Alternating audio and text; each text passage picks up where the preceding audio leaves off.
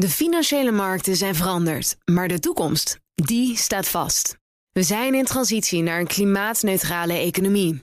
Dit biedt een van de grootste investeringskansen van onze generatie. Een kans voor u om mee te groeien met de klimaatoplossingen van morgen. Meer weten? Ga naar carbonequity.com. Carbon Equity. Do good by investing better.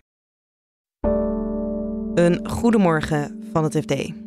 Ik ben Pauline Zuster en het is dinsdag 18 juli.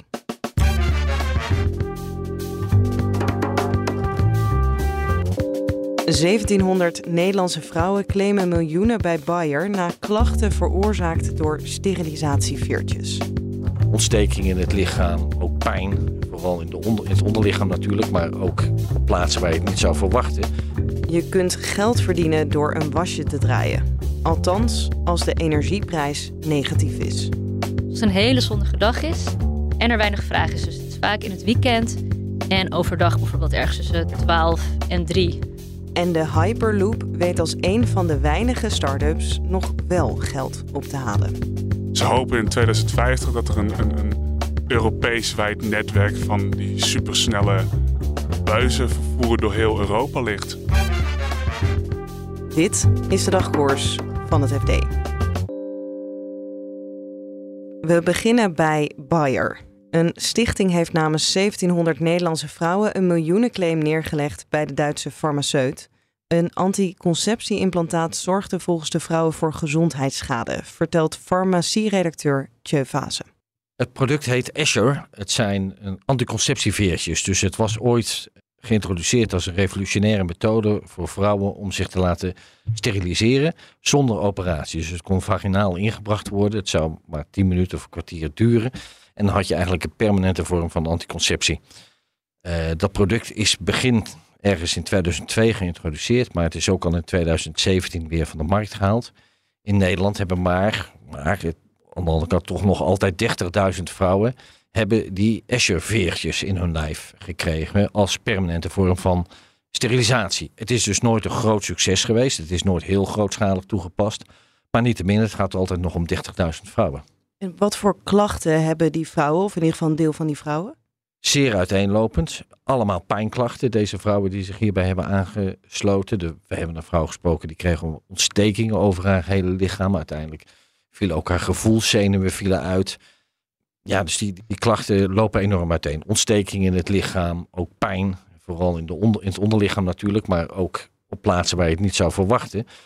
Wellicht is het idee ook omdat het allergische reacties heeft veroorzaakt. De metalen die in deze twee minuscule veertjes, het gaat om veertjes van 3, 4 centimeter lang, er zitten bepaalde metalen in verwerkt. Er is ook sprake van dat die metalen eh, verkalken. We hebben een arts gesproken die 700 van die veertjes eruit gehaald heeft. En die zegt, ja, sommige van die veertjes zijn veranderd in een soort spijkers. En die gaan dan eh, schade aanrichten in het lichaam doordat ze gaan zwerven in het onderlichaam.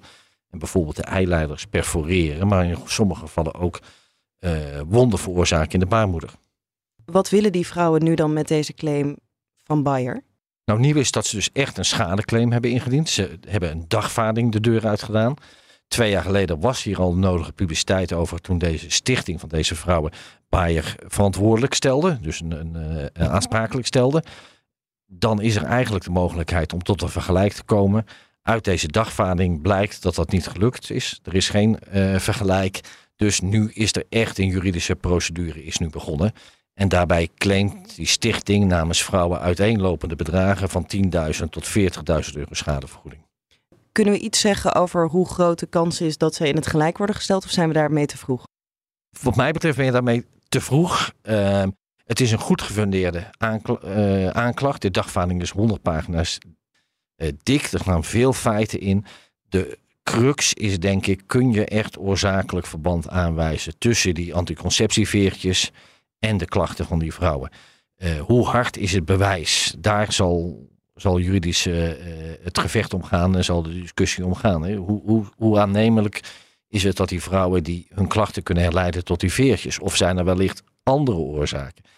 En in veel gevallen zal Bayer dus proberen aan te tonen, kun je verwachten dat er andere oorzaken zijn die die klachten bij vrouwen hebben veroorzaakt. waarom wordt nu in Nederland deze claim ingediend tegen Bayer? Omdat in Nederland uh, er een gerechtelijke procedure is die dat makkelijker maakt. Het maakt de, de zogenoemde WAMKA-wet maakt het makkelijk om een collectieve vordering in te dienen. In dit geval van al die vrouwen samen, die hoeven dat niet individueel te doen. Dus dat verklaart waarom dit in Europa voor het eerst in Nederland gebeurt. In de Verenigde Staten is er hier op juridisch gebied veel meer mogelijk. En daar heeft Bayer een vergelijkbare zaak ook al geschikt. Dat is al drie jaar, jaar geleden gebeurd.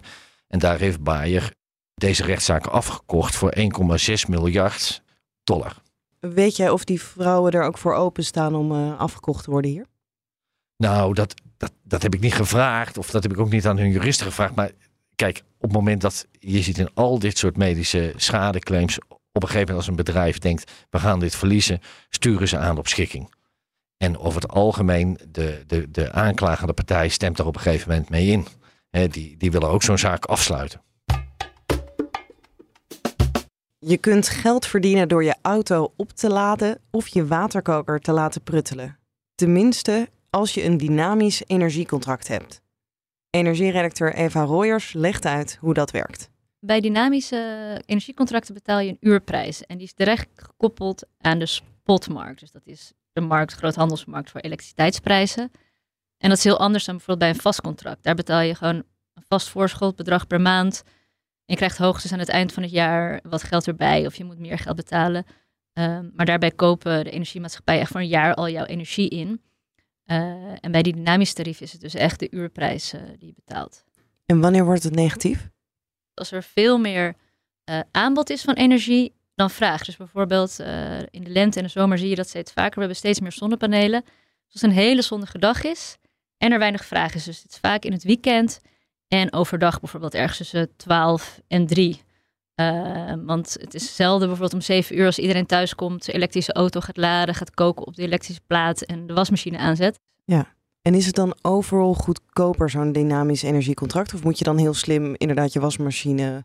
Nou ja, Rabobank die schreef ook dat het gemiddeld goedkoper is, een dynamisch tarief, omdat bij een grote energiemaatschappij, bijvoorbeeld met een vast contract, uh, maken ze meer kosten. Want ze hebben een hele handelsafdeling die risico's aan het afdekken is. Uh, en ze moeten ook allemaal risico's, omdat ze een jaar voor hun uit, uh, inkopen, hebben ze ook allemaal risico's die ze ook echt af moeten dekken.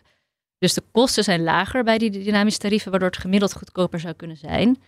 En de dynamische energieleveranciers zeiden ook zelf, die hebben berekend dat ze vorig jaar 35% goedkoper waren voor elektriciteit dan een variabel contract. Dus niet dan een vast contract en dan een variabel contract. Maar ja, vorig jaar waren de prijzen torenhoog. Stel dat jij nu, de prijzen zijn redelijk laag in vergelijking met ja. Je, je neemt het, sluit nu een vastjaarcontract af. Um, dan weet ik niet of jij duurder uit bent dan een dynamisch tarief. Want stel dat het weer super onrustig wordt op de markt deze winter, uh, dan kunnen die, ook die uurprijzen echt enorm omhoog gaan. Dus het lange antwoord is eigenlijk, het is, valt niet vast, helemaal vast te zeggen of je goedkoper uit bent. Uh, nee. Dat hangt echt af van je situatie. En als ik jou zo hoor, dan zijn er ook wel wat risico's als je zo'n contract hebt. Ja, natuurlijk zeker. Dus nu, de, hè, nu de prijzen vaak negatief zijn, is er hartstikke is er veel aandacht uh, voor. Hey, je kan geld verdienen met, uh, met een wasje draaien. Daar doe ik ook aan mee, want zo begin ik ook mijn artikel dat uh, in de krant staat. Maar ja, dat, dat is heel leuk als je dan even geld kan verdienen. Maar het merendeel van jouw energiekosten maak je in de winter. Want dan zit je thuis, meer thuis en moet je, de lichten langer aan. En misschien heb je al een elektrische boiler. Uh, en als de prijzen dan heel hoog zijn, ja, je moet, dan kan je rekening echt heel hoog worden. Dus je moet het wel kunnen dragen, dat risico. Het is echt niet geschikt voor mensen die helemaal geen buffers hebben en een laag inkomen. Uh, dan ben je, denk ik, toch gebaat bij, bij misschien een iets hogere gemiddelde prijs, maar wel stabiliteit, zodat je weet dat je het ook echt altijd kan betalen. Ja. Denk je dat consumenten zich voldoende bewust zijn van die risico's? Lastig te zeggen. In ieder geval, critici vrezen van niet. Zo heeft D66 in juni nog een voorstel ingediend. Die vinden dat er echt meer een soort disclaimer bij moet bij dit soort energiecontracten. Als ze reclame maken en als ze het aanbieden, waarin echt heel duidelijk op die risico's wordt gewezen, dat, zodat consumenten zich er ook echt van bewust zijn. Ja, en hoe groot is die groep die zo'n contract heeft? Relatief gezien is het nog een kleine groep, maar hij groeit wel snel. Dus volgens de autoriteit Consumentenmarkt, die al die cijfers bijhoudt, waren het er 225.000 ongeveer uh, begin juni. Maar uh, eind uh, vorig jaar waren het er nog iets van 70.000. En voor uh, het overvolle stroomnet, want daar hebben we het veel over gehad, helpt dat dan hiervoor? je hebt twee problemen met het stroomnet. Eén, dat het in balans gehouden moet worden. Dus er moet elk moment evenveel vraag als aanbod zijn op het net. Anders dan krijg je storingen. Daarvoor is het heel geschikt. Want uh, we krijgen steeds meer zon en wind. Dan is er veel aanbod. En dynamische tarieven helpen om elektriciteit te gebruiken als er veel aanbod is. Daarvoor helpt het. Dan heb je ook nog problemen met het volle net. En dat is dus dat er echt te weinig capaciteit is op dat stroomnet om die stroom te vervoeren die we allemaal vragen. En daarvan zouden deze uh, dynamische contracten wel eens een probleem kunnen worden. Want stel in een wijk heeft iedereen een dynamisch contract en een Tesla.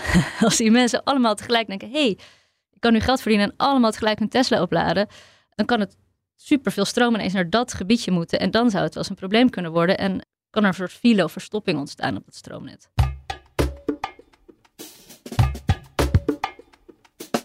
En tot slot hard Hyperloop.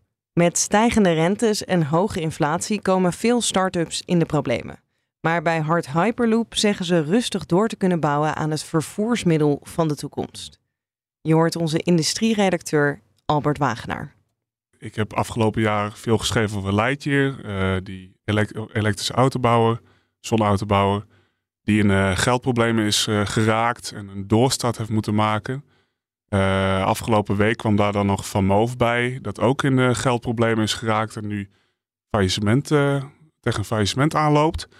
Nou, hoog tijd inderdaad om eens even te kijken van hoe is het dan met die, die andere start-up die veel in de picture is geweest, ook bij ons in de krant, Hard Hyperloop. Ondertussen gevestigd in Rotterdam, om te kijken hoe zij ervoor staan. Of zij nog voldoende geld hebben om de toekomst in te gaan nu de rentes omhoog gaan en inflatie hoog is. Ja, en als ik het even heel plat mag slaan, gaat het op zich uh, prima bij uh, Hart. Hoe komt dat? Ja, ja het, gaat inderdaad redelijk goed. Daar, gangetje, zou ik bijna zeggen. Ze hebben onlangs nog een uh, investering van 12 miljoen opgehaald. Dus zij kunnen gewoon wel um, ja, vooruit. En het grote verschil is natuurlijk tussen, tussen Hyperloop, Hard Hyperloop en die, die twee die ik hiervoor noemde. Dat Hyperloop dat zij nog lang niet zo ver in het proces zijn. Zij zijn allemaal nog aan het ontwikkelen en, en, en software en uh, hun product aan het opzetten. En nog niet daadwerkelijk bezig met het bouwen. Nou ja, goed. Ze zijn dus nu een testcentrum aan het bouwen. Maar echt grote stukken hardware hebben ze nog niet staan. Ze hebben nog niet zo heel veel mensen in dienst, een mannetje of 50. Dus ze hebben ook nog niet zo'n hoge burn rate, zoals dat dan heet in de start-up wereld. Oftewel, hoeveel geld verbrand je in een, in een maand om je product te ontwikkelen. En dat was bijvoorbeeld bij Lightyear wel heel hoog, want die hadden gewoon meer dan 600 mensen in dienst. En dat drukt behoorlijk op, uh, op de kosten. En wat wil Hart vertellen over wat hun burn rate dan wel is? Ja, dat laten ze niet zoveel over los. Wat ze dan nog wilden zeggen was dat uh, het niet hoger is dan 2 miljoen per maand dan. Maar goed, ze hebben dus nu 12 miljoen opgehaald en daarmee kunnen ze vooruit tot medio volgend jaar. Dus ze zitten op zich wel redelijk goed voor de komende maanden.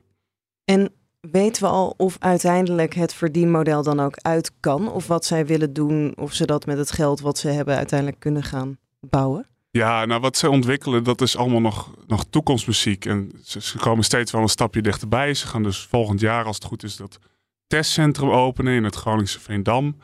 Maar het is, een, het is een techniek die op veel vlakken nog bewezen moet worden. Kijk, ze hebben aangetoond dat het laten zweven van zo'n trein in een vacuümbuis op, op kleinere schaal wel werkt.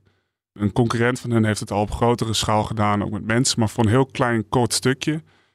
De vraag is inderdaad van als je dit op, op grote schaal gaat toepassen en een grote lange lijn gaat bouwen, kan het dan ook nog uit? En dat is iets wat, ja, wat de toekomst uit moet wijzen. Het is een beetje flauw, maar dat is wel hoe het werkt. En wanneer verwachten ze dat het operationeel is? Tijdspad zoals ze het hebben geschetst is dat ze nou, om 2026 ongeveer hun techniek grotendeels uh, hebben uitgewerkt. En dan uh, tegen 2030 aan willen ze een eerste pilottraject gaan bouwen. Ze weten nog niet precies waar.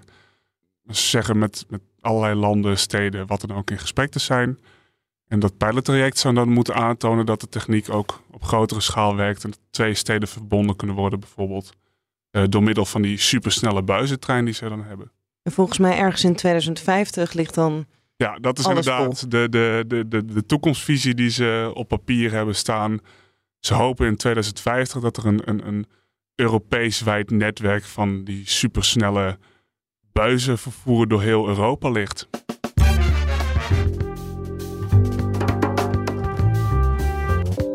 Dit was de dagkoers van het FD. Morgenochtend zijn we er weer met een nieuwe aflevering. En die krijg je automatisch binnen als je je in je podcast hebt abonneert op dagkoers. Wil je het laatste financieel-economisch nieuws volgen, dan doe je dat natuurlijk op fd.nl. Voor nu een hele fijne dag en graag tot morgen.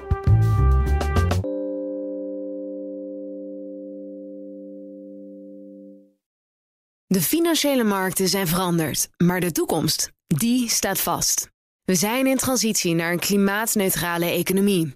Dit biedt een van de grootste investeringskansen van onze generatie. Een kans voor u om mee te groeien met de pioniers van morgen. Meer weten? Ga naar carbonequity.com. Carbon Equity. Do good by investing better.